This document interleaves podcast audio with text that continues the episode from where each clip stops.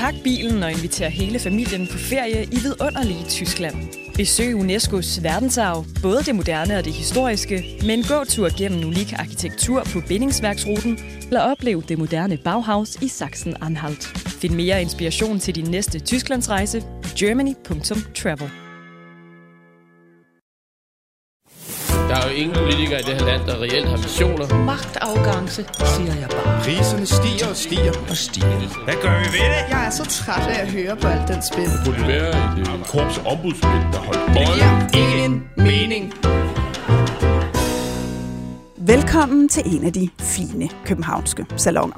Velkommen til salongen, der altid har begavede og bramfri gæster på besøg, og som ikke har noget imod at lufte deres kæpheste om den tid, vi lever i. I dag kan jeg byde velkommen til koncernchef for Berlingske Media, Anders Krab Johansen, og politisk kommentator, Nora Reddington. Tak fordi I vil komme begge to. Tak for invitationen. Tak for det. Anders, du er jo som sagt koncernchef for Berlingske Media. Det er koncernen, der ejer Berlingske, BT, Weekendavisen og Euroinvestor. Øh, dermed er du også øh, min chef. Ja. Øh, jeg skal forsøge ikke at lade dig slippe lettere i salongen. Det skulle være den første gang. øh, men i dag så er du her i din øh, egenskab af at være forfatter. Mm-hmm. Du udgiver bogen Fri os fra den værdiløse borgerlighed. Hvorfor øh, synes du, en koncernchef øh, skal udgive en bog, hvor du udspringer ud nærmest som værdikriger? Jamen, det skal jeg jo heller ikke. Jeg, men du gør det ikke, ja, desto mindre. Nej, jeg, har, jeg har jo altid gået op i samfundet, hvis, hvis det er en undskyldning. Og øh, det, det, der, det, der har generet mig over lang tid, det er, at det virker som om, at os, der er borgerlige, og jeg er jo erklæret borgerlig, groft sagt, altid taber samtalen om, hvad er godt. Altså, det, er sådan en, det er sådan en mærkelig fornemmelse af, at man går ind i et rum, og så skal man have en samtale om et eller andet. Børn, natur, kultur, øh, menneskelighed, øh, mangfoldighed, hvad som helst. Og så, og så er man ligesom altid på det tabende hold, som dem, der bare siger nej, dem, der vil skære ned, dem, der vil ødelægge. Det er sådan lige ved, man er nærmest bare sådan, altså i udgangspunktet egoisten, som mm. kun er ude på, at de rige får mere, og de fattige, det kan være lige meget med dem, og naturen bare lader den være og flyde.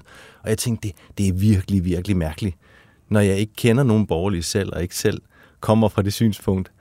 Og så bogen er sådan en udforskning af, nej, det er en analyse af først. Jeg tror, det går galt, fordi vi, er, vi taler sådan værdiløst. Der er, ikke noget, der er ikke noget nede i det i samtalen, den er flad.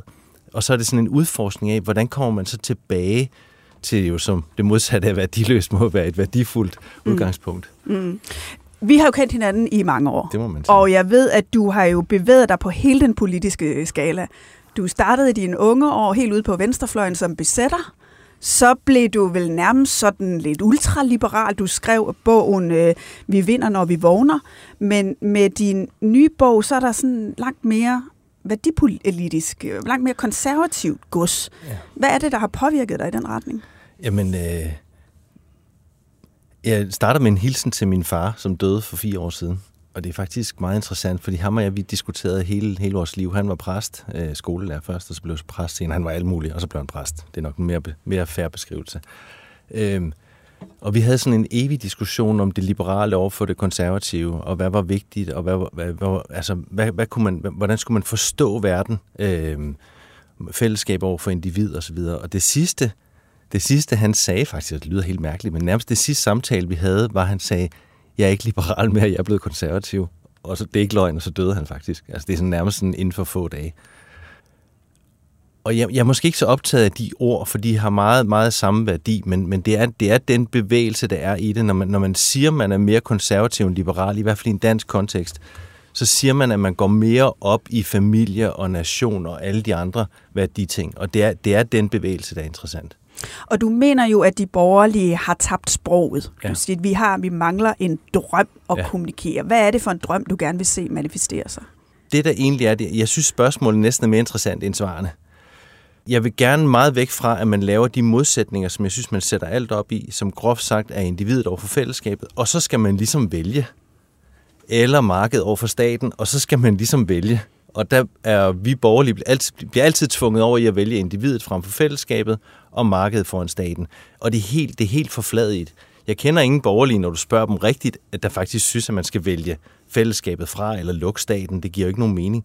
Men, men hvordan, hvordan, argumenterer du ud, hvordan argumenterer du for det på en fornuftig måde? Det er ligesom det, det, er det jeg jagter. det kommer vi også lidt ind i, fordi det, det handler måske også om, at der er nogle nuancer til den øh, måske store fokusering på markedet og individet, klart, som der klar. har været i borgerlige kredse i mange år. Nora Reddington, velkommen også til dig. Tak, jeg kan godt høre, det er chefen, der er i studiet. Altså, ja, ja, men han får fuld taletid. Hvis du har mere, du spørge Anders om, så endelig. Nej, nej, nu skal altså, vi have dig øh, på banen. Sagtens, jeg kan sagtens vente. Jeg kommer også fra politikken. Jeg kan sagtens Nej, det er derfra. Altså, så må du gerne forlade lokalet. du er jo øh, politisk kommentator. Du har også en fortid i øh, statsministeriet for Socialdemokraterne, da du var rådgiver for øh, Helle thorning Schmidt. Du har jo brugt en del af dit liv på at lave en anden fortælling og en anden drøm end den, Anders skitserer her. Øh, er du enig med Anders i, at de borgerlige har tabt den fortælling? Nej, nu er jeg ikke så stiv i uh, semantikken mellem konservative og liberale og hele det der univers. Det er jo ligesom at høre venstrefløjen i 70'erne, altså alle mulige fraktioner. Og, altså, der er mange nuancer i det her. Det, det kan jeg ikke lige så godt, som, øh, som Anders kan, som er, han er jo specialist derude på den yderste højrefløj. Altså, Anders han siger, at, at de borgerlige har tabt sproget. Jeg mener, at de borgerlige har tabt sutten. Uh, forstået på den måde, at, at den analyse, Anders lægger for dagen, det er jo sådan en, det er sådan en kulturanalyse. At det er sædens forfald, det er institutionernes øh, forfald. Og, og bogen hedder, og det, jeg vil gerne anbefale alle at læse den, det er en virkelig interessant og god, tankevækkende bog, personlig bog, og som Anders også er inde på, at det er en bog, hvor spørgsmålene er langt, ikke men, men spørgsmålene er lige så interessante som svaren. Det er en søgende bog, og det er kæmpe respekt for det. Den hedder Fri os fra den øh, værdiløse borgerlighed, og jeg tænker i virkeligheden, fri os fra den øh, økonomiløse borgerlighed. Altså jeg vil gerne udfordre ligesom hele præmissen om, at, at det er synd, at man har tabt øh, værdikamp og det ene og det andet. Altså det, der er forudsætning for at få magt, der hvor magtens lavastrøm flyder, det er jo økonomien, den økonomiske analyse. Vi står i en verden i kæmpe opbrud. Altså geopolitisk, men jo også økonomisk. Og, og der er ikke nogen svar der fra det borgerlige. Og, og når man sådan ser på det øh, sådan lidt historisk, så kan man sige, at en af grunden til, at Socialdemokratiet stod så ufattelig stærkt i mange år, det var, at Keynes havde ret. Og en af grundene til, at de borgerlige, øh, liberale, konservative, hvad man kalder det, har stået utrolig stærkt de sidste 40-50 år øh, sådan ude i verden, også i Danmark, Ja, det er jo, at Milton Friedman havde ret. Og, og den her sådan helt grundlæggende analyse af økonomien og udfordringerne, den mangler. Og så er det, for at sætte det lidt på spidsen, og så vil man også godt drille Anders lidt, han er jo ikke min chef, altså så bliver det et spørgsmål om, at, at der er nogle hedonistiske unge mennesker på Nordhavn i, i København, som har anskaffet sig en soundbox, og det er for dårligt. Altså, du, er, du hælder lidt til konklusionen, it's the economy stupid. Hvis man ikke har ordentligt styr på økonomien, så er det svært at diskutere ikke, alt det ikke, andet. Jeg kan jo ikke løbe fra, at, at, altså, at, at Friedrich Engels sagde, at sidste instans af økonomien, det er termineret. Jeg tror meget på øh, strukturelle forklaringer. Og hvis jeg var borgerlig, ville jeg passe på med at gøre det hele til et spørgsmål om kultur til spørgsmål om dannelse øh, og den slags ting. Og der er nogle underliggende strømme i det her, som er vanvittigt interessante. Men Noget... Anders, det er, jo, det er jo der, du bevæger dig hen. Det er der ind på den værdipolitiske bane. Jeg lægger også mærke til, at du i bogen skriver, hvis man sætter lighedstegn mellem markedet og det at være borgerlig, så udøver man en tynd handelshøjskole-liberalisme, der er sublim i et regnark, men som mangler ånd og værdier. Og du skriver også, at markedet skal være frit, men materiel rigdom er ikke alt. Ja. Hvorfor synes du, at den fokusering på markedet er gået for vidt for mange borgere lige nu, når Nora tænker, det er sådan set det, vi skal holde fast i? Ja, jeg ved ikke, om det er det, Nora siger. Jeg tror mere, at Nora siger, at nu skal staten til at betyde en masse for økonomien, fordi det vil være rigtig smart med en masse offentlige investeringer og bla bla bla. God gamle tror, Keynes. Ja, det er det. Vi er gode gamle Keynes og venstrefløj. Det er også fint. Jeg, jeg tror, at altså, det, som, det, som jeg siger, det er, du vil i et demokrati altid skulle vinde det gode. Altså dem, dem, der, vælger, dem der vælger folk derinde, er jo dem, der har løsningerne med ind. Lad os nu sige, at man kommer ind med en løsning på den økonomiske udfordring, som, øh, som jeg også synes er virkelig, virkelig vigtig, som er, at vi bliver nødt til at investere massivt i, i tech. Øh, vi bliver nødt til at investere massivt i uddannelser inden for tech. Vi bliver nødt til at ændre rammevilkårene markant for at kunne investere i Danmark det, så, vil, så vil, lige når jeg siger det her, så tænker folk, ja, det er jeg med på, at det lyder fedt, han siger alt det gode. I samme øjeblik, så siger jeg, derfor skal skatten på det her, det ned. Derfor skal vi flytte investeringerne på universiteterne, altså lave private universiteter, som kan fokusere på det. Derfor skal man kunne investere, bla bla. Så, så, så, så kan du faktisk ikke gennemføre det i Danmark. Hvorfor kan du ikke det? Fordi så er der nogen på venstrefløjen og langt ind over midten, der begynder at råbe, at det er godt for de rige, og det går ud over børnene, og så skal vi også det ene eller andet, som ikke er samtalen. Og derfor bliver du nødt til at vinde det gode. Du bliver nødt til at få, få forklaret, at grunden til, at du ønsker en stærk økonomi, det er faktisk for det gode. Ja, du, har, øh, du forsøger jo med en beskrivelse af kapitalismen i bogen, mm. som jeg tror, det er måske ikke den, som, som vi hører oftest. Du uh, skriver, at kapitalister respekterer den private ejendomsret, som giver orden. De foretrækker handel frem for invasion, hvilket giver fred. Og kapitalister belønner dygtighed frem for privilegier, hvilket giver velstand og social mobilitet. Ja. Hvorfor er den historie blevet overskygget af sådan en stat-elskende socialdemokratisme, som Nora gerne vil tale om? Jamen det er, det er jo fordi, nu driller du ham lige, så står han og laver hoveder. det er også fint. Det er, det er jo fordi, du kan argumentere ud fra et socialt argument. Hvad, hvad, hvad, med, hvad med dem, der ikke kan? Hvad med, hvad med de fattige? Hvad med alle de andre? Og det argument er meget, meget stærkt, især i en dansk kontekst, men det er det også andre steder.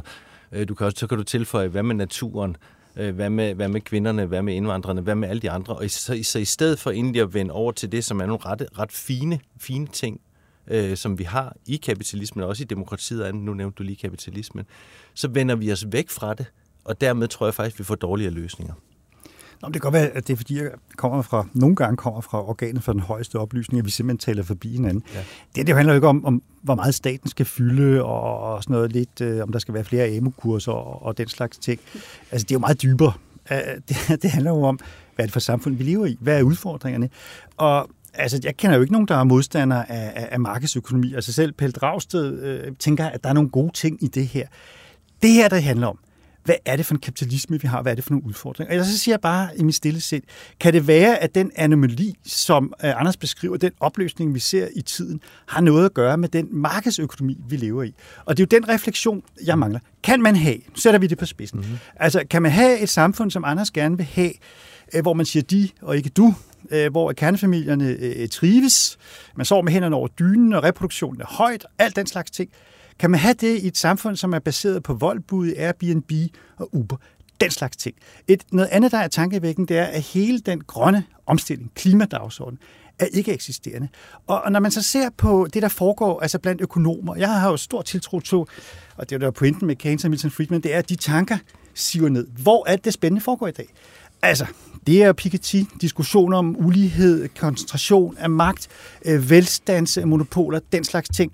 Og så er det jo i forhold til den grønne dagsorden. Og der, der er det sådan set mere sådan en, en venlig øh, kritik, fordi jeg vil jo gerne have Anders og hans, hans venner på den yderste højrefløj sådan længere ind i debatten. Jeg synes, det er spændende. Jeg har ikke set nogen øh, holdninger, men jeg vil gerne hjælpe alle, som ligesom øh, stikker lappen op. Og der siger jeg så i al venskabelighed, prøv at høre, venner, I er nødt til at adressere det der. Fordi ellers så bliver det altså de der meget små ting. Og øh, en borgerlighed, som alene er baseret på en kulturanalyse, bliver selvfølgelig en borgerlighed, der kan vinde valg, Absolut, det kan man. Men det er også en borgerlighed, der hurtigt kan tabe valg, og så meget hurtigt gå op i hat og briller. Så det var, det var en, venlig øh, øh, råd, ikke så meget med størrelsen af staten og den slags ting. Jamen, vi kan, jo, vi kan jo næsten se her, hvad der er, der udspiller sig. Det er yderste højrefløj. Det er hænderne over dynen. Det er, det er alle de der øh, sædvanlige grimme pladerudtryk. Det er Uber og hvad se nu ulykkerne for jer. Det er, sådan, altså, det er jo systemet, politikkens store historie som desværre jo afspejler sig meget, meget dybt ind i det, jeg vil kalde sådan de dannende institutioner i Danmark. De er måske ordentligt købet endnu mere venstredrejet, altså universiteter, skoler, andre, som er endnu længere ude på venstrefløjen end, end Nord Reddington øh, og hans, hans kompaner der. Den økonomiske analyse tror jeg ikke, vi er ret langt fra hinanden på.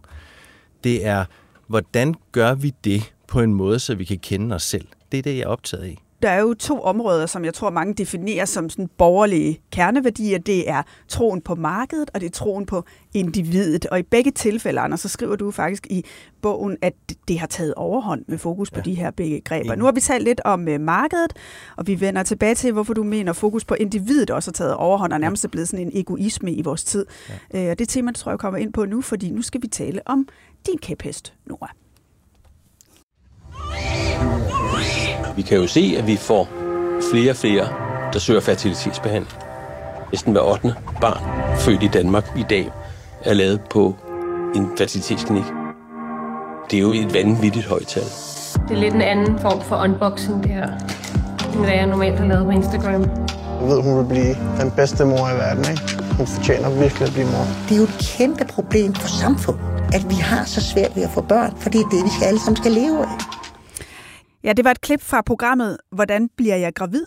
der lige nu kører på DR, hvor man følger skuespiller og tv-vært Stefania Portalivo, som er i facilitetsbehandling, men som jo også sætter fokus på et større problem, nemlig at vi som befolkning faktisk ikke længere kan reproducere os selv.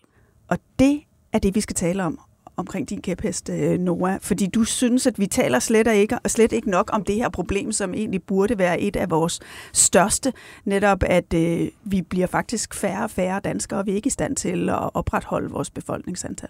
Det er så rasende interessant, men det er jo meget symptomatisk for vores politiske debat, at det der virkelig er vigtigt, det har vi utrolig svært ved at forholde holde os til, så vil vi hellere tale om et, et jordskred øh, omkring Randers og alt det her, at der er masser af følelse i det. Det er jo super komplekst og fuldstændig afgørende. Altså, 1,7 er fertilitets reproduktionstallet for den, for den gennemsnitlige kvinde. Vi skal op på 2,1. Vi kan se, at kvinder føder øh, deres første barn i gennemsnit, når de er 29,9 år, knap 30 år. Jeg fødte i 1971, der var tallet øh, 23,5 øh, i gennemsnit, og min mor var 24, på den måde en, en, en gammel mor. Og det her er jo et udtryk for sådan nogle virkelig grundlæggende forandringer i vores samfund. Og det er jo ikke kun i Danmark. Det er jo hele den vestlige verden, der står over for det her. Hvad er forklaringerne? At De er utrolig mange. Altså, nogle siger, at det handler om, at man har brugt mellemlægspapir, når man smører madpakke. Øh, hvad er der i vores fødevarer, PFAS, alt muligt andet. Noget andet handler jo om, om den frisættelse af kvinder, som har jo været helt definitorisk et af de allerstørste civilisatoriske fremskridt, øh, vi har haft de sidste mange tusind år valget til selv at bestemme, hvornår man vil få børn. Det handler om, om presset samfund. Alle mulige ting og sager, der flyder sammen. Og kan er, at der er ikke nogen, der rigtig tager fat på det. Der er ikke nogen, der har den vinderformen øh, på det, for at få flyttet det her. Og vi taler ikke nok om det. Og det har en masse afledte konsekvenser. Lige om lidt bliver vi 6 millioner mennesker i Danmark, hvilket er en kæmpe ting for sådan en gammel mand som mig. Da jeg blev født, var vi lige knap 5 millioner. Nu er vi ikke godt nok ved at blive 6. Hvorfor? Vi bliver ældre, og der kommer flere udlændinge til. Der sker nogle enorme demografiske forandringer i vores samfund, og vi er udfordret demografisk, og vi taler ikke om det. Jeg synes, det er dybt fascinerende. Nu, og jeg, grund til, at jeg er blevet så animeret, det må jeg jo tilstå, det er jo nogle virkelig fremragende artikler i Berlingske Tidene. Det synes jeg virkelig, at I skal ja, tage med har, her i butikken. Vi har behandlet det emne nøje. Mm-hmm. nu siger du, at du slet ikke er på den politiske radar, men vi spoler lige tilbage til årets nytårstale, som jo godt nok primært var en hyldest til den afgående dronning, men statsministeren havde et konkret forslag med, og det lød sådan her.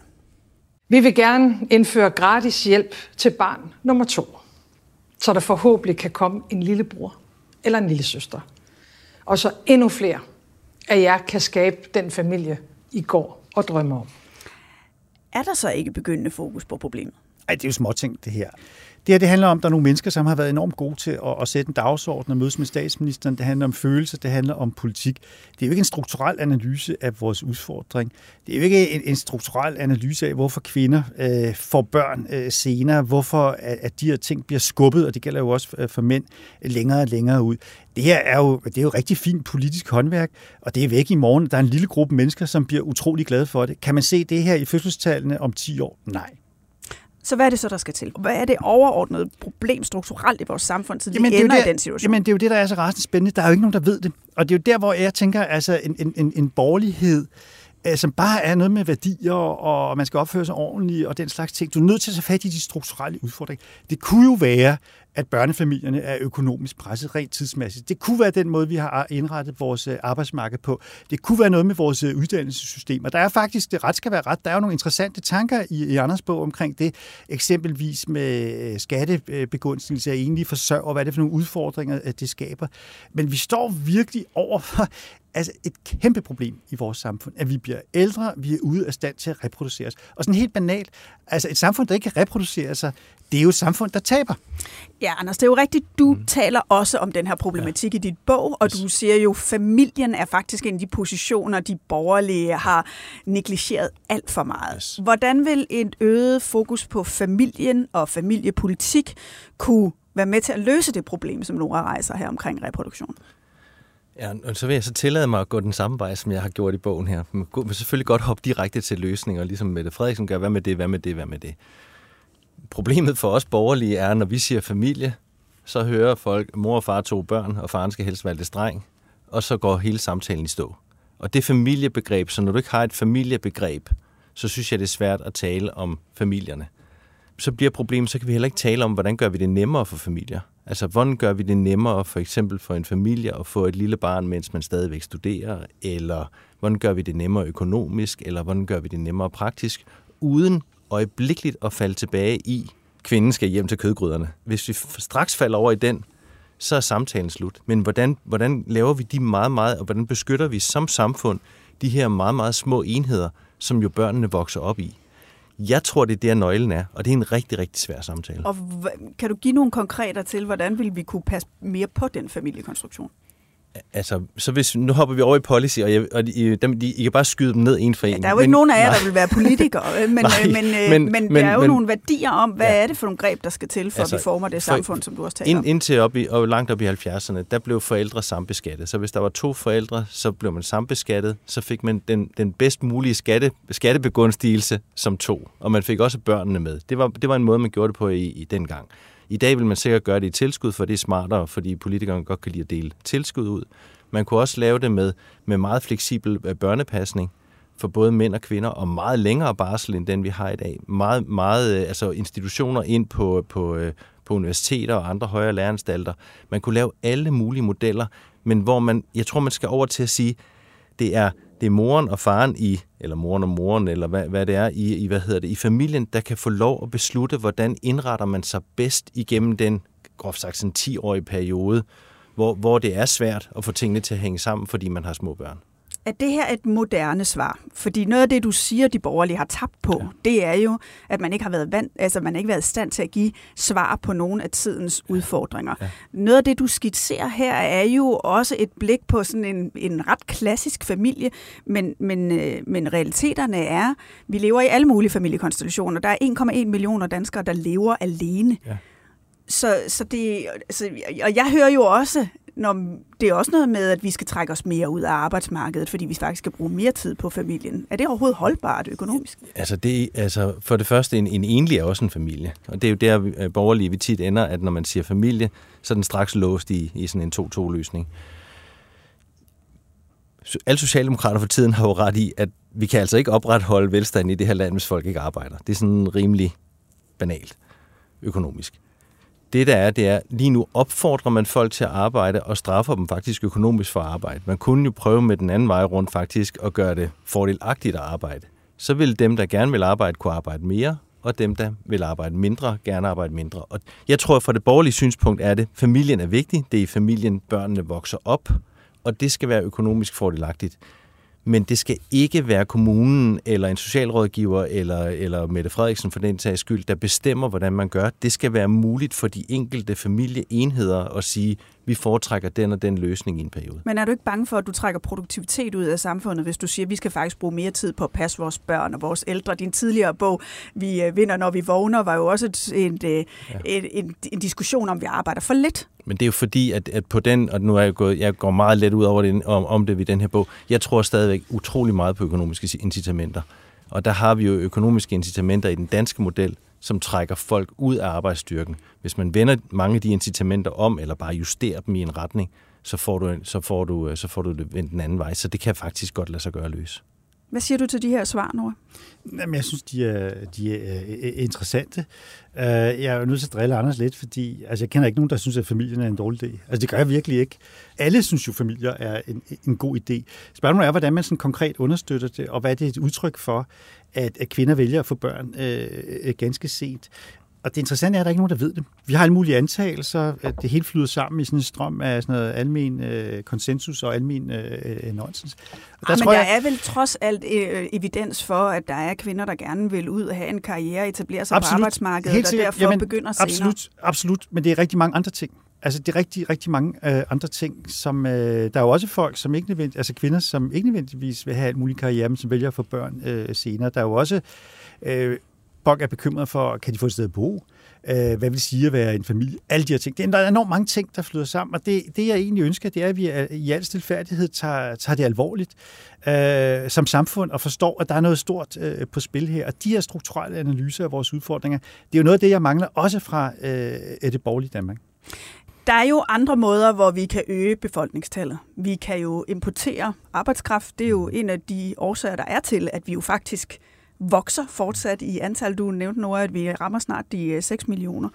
Øhm, og øhm, vi skal lige høre et øh, klip fra Brian Mikkelsen, der er direktør i Dansk Erhverv, som øh, sagde sådan her i øh, september sidste år. Vi skal have et paradigmeskifte for udlandsk arbejdskraft. I stedet for at fokusere på, hvordan vi holder gode folk ude, så skal vi fokusere på, hvordan vi får dem til Danmark og arbejde og bidrage til det danske samfund. Anders, du skriver direkte i din bog, at du opfatter det budskab som en ligegyldighed over for det at være dansk. Ja. Og så er vi faktisk fremme ved din kæphest, ja. som handler om, at du synes, at Danmark i højere grad i hvert fald skal være for danskerne. Ja. Hvad, hvad er problemet ved at tage mere udenlandsk arbejdskraft ind? Jeg troede netop, at vi havde brug for det for at opretholde vores økonomi. Men det har vi også. Vi har, vi har selvfølgelig brug for arbejdskraft. Vi har brug for at føde nogle børn selv, som, øh, som vokser op og kan arbejde. Vi har også brug for, at der kommer folk ind i landet, åbne grænser i, i en vis forstand. Det jeg slet ikke bryder mig om, det er, hvis det, som jeg mener har gjort Danmark til et succesrigt samfund, og det er blandt andet, nu snakker vi om før, ligestilling mellem, mellem kvinder og mænd, det er vores demokrati, det er vores ytringsfrihed, det er øh, markedsøkonomi. det er en masse værdier i den måde, vi omgås hinanden på. Hvis de skal træde i baggrunden, fordi der kommer andre til, som har nogle andre normer, så bliver jeg faktisk oprigtigt talt rimelig nervøs. Koranloven synes jeg er et godt eksempel. Øh, det er jo fordi, der er pres udefra, men der er jo også indre kræfter. Der er også ting, der bliver sagt i offentligheden her om, omkring øh, Israel-Palæstina, øh, som er, som er rimelig urovækkende, vil jeg sige. Altså voksende antisemitisme og andre ting. Det, det synes jeg ikke, vi skal have i det her land. Jeg synes også, vi skal passe på vores kultur og vores sprog så mange af os lidt øh, halvsjaskede danskere er jo næsten sådan halvamerikanske i vores kulturelle opfattelse. Altså ser mere amerikanske film, kultur og musik og alt muligt andet, og er egentlig sådan lidt ligeglade med det danske. Det flyder jo også ind. Jamen, har det en værdi? Hvis man skal have et værdimæssigt udgangspunkt, så bliver man nødt til at finde ud af, at der er noget i det her land, som er noget særligt. Det er ikke bare sådan en, en, en, en nogle grænser, og så bor der nogle mennesker, der har boet danskere her i hvert fald i flere tusind år vi har bygget noget særligt her. Det minder om noget andet, men det er noget særligt. Og det kan man ikke bare give afkald på, fordi man mangler 50.000 medarbejdere, som så kan komme fra et eller andet fjernt land. Hvis de skal komme hertil, så skal de i hvert fald integreres, og vi skal, vi skal vi sådan på, vi, jeg er nok på grænsen mellem, de skal integreres og assimileres.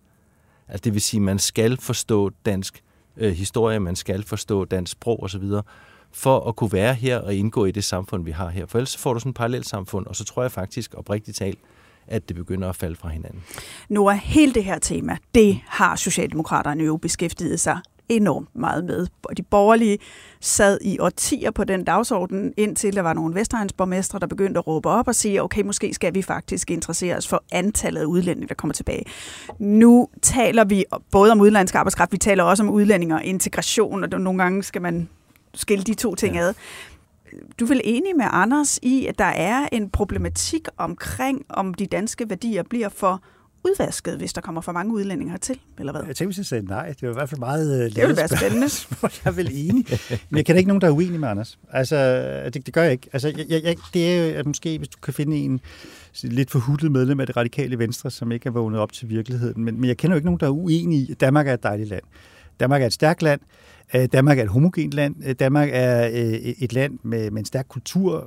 Alt det her det er et land, vi skal passe på. Det er et land, som øh, bliver udfordret som alle andre, hvis øh, de her øh, balancer tipper. Jeg, jeg kender simpelthen ikke nogen, som sådan for alvor er, er uenige. Men, men, men vi det er har så også, også en selvforståelse så af, også, at vi er et, et rigt land, som ja. vækster. Og nu har vi lige talt om, at vi kan ikke reproducere os selv. Hvis vi fortsat bliver ved med at have den vækst, så skal vi vel have nogen til Jamen, at komme jo, at, og hjælpe at, os at, med at, det. skyld, der synes jeg ikke, Anders helt har fat i, i fakta, fordi fakta er jo, at den øh, altså befolkningstilvækst, der sker, det er jo ikke drevet af, af familiesamfundet, det er jo drevet af, af folk fra Østeuropa og andre lande, som vi egentlig synes er okay kommer til Danmark. Altså Anders taler i sådan en udlændingepolitik, øh, altså det er jo reelt øh, muslimer, det er jo lettest bare at sige, hvad det er. Altså MENAP-landene, tror jeg, Socialdemokratiet øh, kaldte det for tiden. Det er, jo, det er jo den problemstilling, som, som du rejser, og, og, og fred være med det. Men det vi ser for os, det er jo et Danmark, som er fuldstændig afhængig af, at der er østeuropæere, som faktisk gider at arbejde og sætte øh, ting i stand øh, på danske øh, byggepladser. Når regeringen er ude at rejse, Lars Løkke har inviteret Filippiner og kenianer og alle mulige andre, er jo grundlæggende noget, vi har brug for i vores samfund. Det hører jeg også en, en anerkendelse af. Jeg kan svært ved at forestille mig, at Anders øh, vil anbefale, at vi hiver 50.000 ud af det danske arbejdsmarked øh, af hensyn til noget, noget kulturelt. Det er meget svært at forestille mig, fordi det vil betyde, at vores sundhedsvæsen brænder sammen, det vil betyde, at vores øh, industri vil have det meget svært, landbruget vil, øh, vil falde sammen osv. osv. Så jeg er et andet sted, øh, og, og der, det er jo godt for udsendelsen.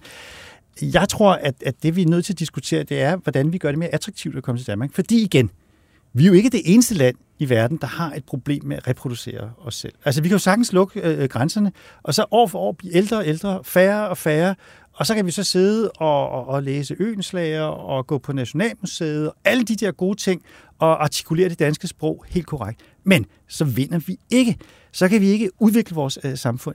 Og noget, vi sådan for alvor er, er nødt til at diskutere, det er, hvordan bliver vi bedre til at gøre Danmark attraktivt for dygtige, kompetente mennesker fra de lande, vi gerne vil have, øh, de skal komme fra. Helt konkret, konkret forslag, det er jo, at, at EU-borgere, der har boet i Danmark i fem år, måske skal de have stemmeret. Og der er vi jo inde ved kernen af noget af, hvad det vil sige at, at være dansk. Vi vil være et lille lukket selskab, sådan et velfærdsschweiz, øh, uden den samme øh, attraktion på en, på en hver tænkelig måde. Eller vi vil være et åbent velfærdssamfund, et dynamisk velfærdssamfund. Vi har tidligere talt om, at Anders bog, han skrev den her meget fantastiske bog, øh, Vi vinder, når vi vågner. Man kan jo sætte det lidt på spidsen og sige, vi vandt, mens du sov. Øh, forstået på den måde, at dansk økonomi er bumstærk, jo blandt andet fordi, at vi har gjort nogle af de ting, jeg taler om, gør Danmark attraktivt, også for udenlandsk arbejdskraft. Jamen, jeg ved ikke, om vi snakker om det samme, fordi det, altså, det er jo, det, jeg ser ikke modsætningen. Jeg ser, det, det, det jeg siger, det er, i en moderne vestlig verden især, moderne global verden, der flytter folk rundt. Altså, folk flytter ind og ud, og de flytter derhen, hvor det er mest attraktivt. Så hvis, hvis vi har en Novo Nordisk her, så vælter det ind med udlændingen, der gerne vil arbejde for Novo Nordisk. Det, det, er, det er logikken. Altså har du gode arbejdspladser, som er attraktive, og kan du, kan du få de folk ombord. EU er jo åbent, så i hvert fald, i hvert fald øh, 400 millioner, 450 millioner mennesker kan jo flytte ind og ud af Danmark, hvis de synes, det er attraktivt. Østeuropæere og alle mulige andre er rigtig, rigtig positivt. Det der er spørgsmålet, det er, når de kommer ind, skal vi så gøre et forsøg på at lære dem dansk? Altså når man er starter som voldbud, eller når man starter hos Novo Nordisk for at tage to ekstremer, skal man så også kunne noget dansk? Eller skal vi bare slå over i engelsk altid og lave sådan en parallelt corporate-sprog, hvor alt foregår på engelsk, alting er engelsk, alle skiltene er engelsk? Det er den ene, det er den ene ting, som er, er sådan en stor bred en. Og vi er altså gået fra 2% indvandrere i 80, eller 2% udlændinge i 80 til 15% nu. Det er altså et, det er sådan en rigtig skifte. Det er ikke sådan lige så stille, det er sådan en rigtig skifte. Der er stemmeproblemer og alt muligt andet. Altså, der er mange, som kommer fra lande, og nu siger jeg det bare igen, som, og, som formentlig har kristen kultur i en eller anden form, det vil sige europæisk, øh, Øh, også øh, de fleste amerikanske lande, altså både USA og hele vejen ned, øh, lande i Asien, som er, har kristne rødder, de vil have ret nemt ved at tilpasse sig vores kultur. Fordi at man er vant til at arbejde i nogenlunde de samme, der er nogle af de samme koder og samme mønstre det synes jeg, vi skal håndtere. Jeg synes, jeg synes ikke bare, man skal sige, bare kom, bare, bare. Jeg synes, man skal lige tænke sig om. Men, hvad, men det er vel hvad også gør vi? Hvad gør vi med skolerne? Til, hvad der, gør vi? Altså, der er men, en integrationsudfordring. Jeg, jeg, jeg, kender bare ikke nogen, der siger, bare kom. Nej, men altså, du, men jeg, du kender jeg, vel heller ikke nogen, der nej, men, synes, at vores integration fungerer nej, men, fuldstændig men, smertefrit? Jeg, jeg kender ikke nogen, der bare altså, tager til Tyrkiet og siger, bare kom. Som tager til Pakistan og siger, bare kom. Jeg kender ikke nogen. Det, der er interessant, det er jo, hvordan gør vi det attraktivt? Præcis for den gruppe af lande, som Anders beskriver. Østeuropæiske Men anerkender du ikke, at der er en Nej, men udfordring om at, til, jeg er nødt til at gøre den de her pointe færdig, fordi det vi så, da de østeuropæiske lande heldigvis og gudske tak og lov blev medlem af EU og det indre marked, det var jo, der kom mange østeuropæiske, altså dygtige mennesker til vores del af Europa. Stille og roligt siver de jo tilbage, fordi der er vækst i et land som Polen, i de baltiske lande. Det kan man jo ikke fortænke dem i. Så vi er ude i en, i en konkurrence, der handler om at gøre Danmark attraktivt attraktivt for nogle af de mennesker, og gøre det åbent og inklusivt. Og der er vi altså slet ikke øh, dygtige nok, og fordi vi gør det til meget hurtigt til et spørgsmål om øh, udlændingepolitik og til integration. Det er ikke rigtigt, når det er EU. Der, det er altså, altså forkert. Der, der, når det er EU, så er det ikke udlændingepolitik. Der, der mangler vi, jamen, det er, du kan det, hvad du vil, det er, det handler om at tiltrække de mennesker, vi gerne vil have, og få dem til at blive i Danmark og, og slå rødder. Og det skal vi være parat til at men, diskutere men, men, i højere omfang, hvem, vi gør hvem, i dag. Nu bare lige for, hvem er det vi, der skal tiltrække dem? Det er jo virksomheder. Jo, men det er jo de faciliteter, vi som samfund vælger at, at stille til råd. Nu tog du øh, øh, Novo. Jeg har svært ved at se, at Novo fungerer som virksomhed, hvor alle medarbejdere skal lære at tale dansk også øh, i Danmark, de faciliteter, som, øh, som er i Danmark. Det er jo en forudsætning øh, for, at, at, at det kan virke. Så igen er vi ude et sted, hvor at, at jeg synes, det bliver sådan lidt sådan en, en sådan hattedame, rent udsagt, øh, konservatisme, som, øh, som bliver opstillet, og ikke en moderne konservatisme. Slår man rødder, skal man bo i Danmark i længere tid, så skal man selvfølgelig lære at, at, at tale dansk. Men er det attraktivt nok, hvis man eksempelvis ikke øh, kan stemme? Jeg, jeg, ved, jeg ved ikke, om vi prøver at være uenige, for ikke er uenige. Det der er, det er selvfølgelig må Novo bestemme, hvordan de har deres sprogpolitik. Hvis der kommer mange, så bliver deres børn skal jo så indgå i skoler og så videre rundt omkring. Hvordan fungerer skoler? Hvordan fungerer, øh, hvad hedder det, øh, sportsklubber? Hvordan fungerer medier? Hvordan fungerer alt muligt andet omkring det? Og da når man går fra meget få 1-2% til 15%, så skifter det. Når du får parallelt samfund, så skifter det. Nej, det er jo det, der er pointen. Det er jo der, hvor vi er vi. Altså, det, der har vi jo faktisk en, en, en rolle og en betydning som, øh, som samfund, og det er en helt reel øh, diskussion. Hvordan bliver Danmark attraktiv for kompetente, dygtige mennesker, som vidste godt? Jeg stopper jer der i den diskussion, for nu har vi talt om øh, både, hvad der er gået galt, øh, og også noget om, hvordan en øh, ny drøm kunne se ud. Spørgsmålet er så, om fremtidens vælgere overhovedet er interesseret i den drøm, og det er der jo noget, der tyder på, at de godt kunne være. Pak bilen og inviter hele familien på ferie i vidunderlige Tyskland. Besøg UNESCO's verdensarv, både det moderne og det historiske, med en gåtur gennem unik arkitektur på bindingsværksruten, eller oplev det moderne Bauhaus i Sachsen-Anhalt. Find mere inspiration til din næste Tysklandsrejse på germany.travel.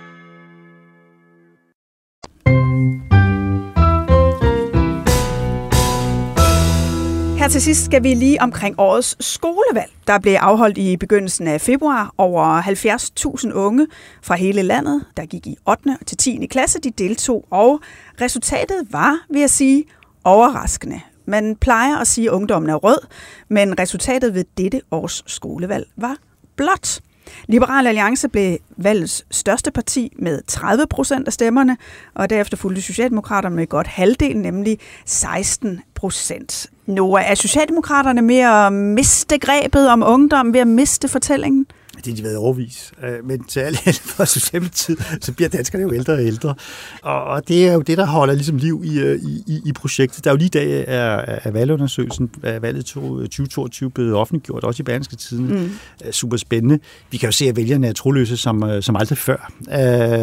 66 procent er i tvivl, øh, bestemmer sig først i valgkampen, jeg tror det er 53 procent, der øh, har skiftet parti i forhold til valget i 2000. Og, og, Men det er alligevel overraskende, at der er så mange, der gerne vil stemme på Liberale Alliance. Ja, jeg ved godt, at Alex Vanopslag lige nu er en rockstjerne, men det er trods alt et altså, jeg elsker de, der, jeg elsker de der skolevalg. Øh, jeg tror sidste gang, at Socialdemokratiet var det største parti, øh, og det, sådan, det hopper lidt op og ned, men det, det kan man sige, det er jo rigtig sjovt med det der. Men når man ser på meningsmålinger, når man ser på valgresultatet, så er der jo ikke nogen tvivl om, at Liberale Alliance, og ikke mindst Alex Vanopslag, har fat i den lange ende. Jeg mener, at Liberale Alliance er det største parti i vælgergruppen fra 18 til 34 mm. år. Mm. Altså, det er jo ret, det er nogle ret voldsomme ting. Og hvis jeg sad i Liberale Alliance, vil jeg sige, prøv at høre, det er jo fordi, de unge, de er blevet borgerlige. Altså, de har set det her, de er blevet liberale borgerlige, de ved at opgøre ansvar og alt det der halvøje og alle de der ting. Jeg tror, det hænger meget mere sammen med nogle strukturelle forandringer i vores måde at lave politik på og personligheder, end øh, det nødvendigvis er udtryk for sådan et værdiskifte øh, hos ungdommen. Inden vi lige taler personer, så går vi lige ned i substansen. Der er de tre mest populære mærkesager ved skolevalget. Den første var, gør arbejde for unge under 18 år skattefrit. To, Giv gratis frokost i folkeskolen. Og tre, afskaf topskatten. Anders, det er jo sådan lidt en, øh, en god blanding. De vil gerne arbejde noget mere, uden at skulle betale så meget ja. i skat. Ja. Så er der jo sådan en... Øh, altså, det er jo ikke særligt liberalt. De vil gerne have, at staten skal sørge for noget, som man kan argumentere for. De fleste forældre og familier kan måske godt finde noget at smøre en madpakke. Og så er der den sidste, som jo ellers har været pest og nævne på Christiansborg i overvis. Afskaf topskatten. Ja.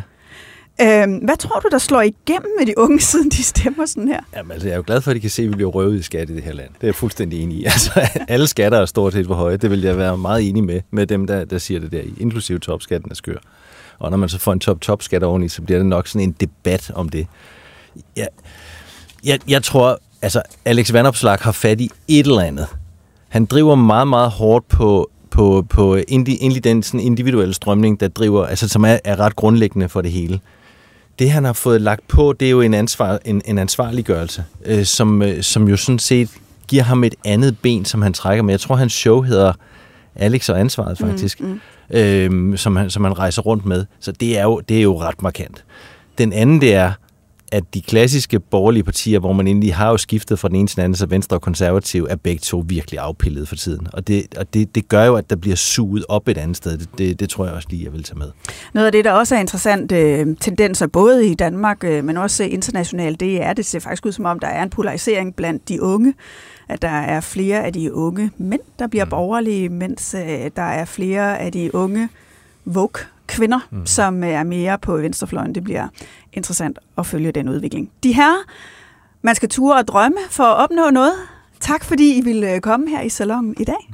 En af de ting, vi ikke nåede at tale om, det er jo det forslag til en øh, CO2-afgift på landbruget, som øh, har potentiale til at skabe stor ballade internt i Venstre. Det lover jeg, at vi taler om i næste uge. Der har jeg besøg af den ansvarlige for rapporten, tidligere overvismand Michael Svare, og venstrekondisør Søs Marie Serup.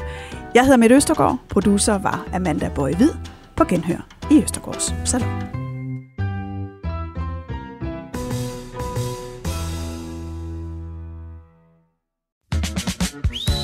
Pak bilen og inviter hele familien på ferie i vidunderlige Tyskland. Besøg UNESCO's verdensarv, både det moderne og det historiske, med en gåtur gennem unik arkitektur på bindingsværksruten, eller oplev det moderne Bauhaus i Sachsen-Anhalt. Find mere inspiration til din næste Tysklandsrejse på germany.travel.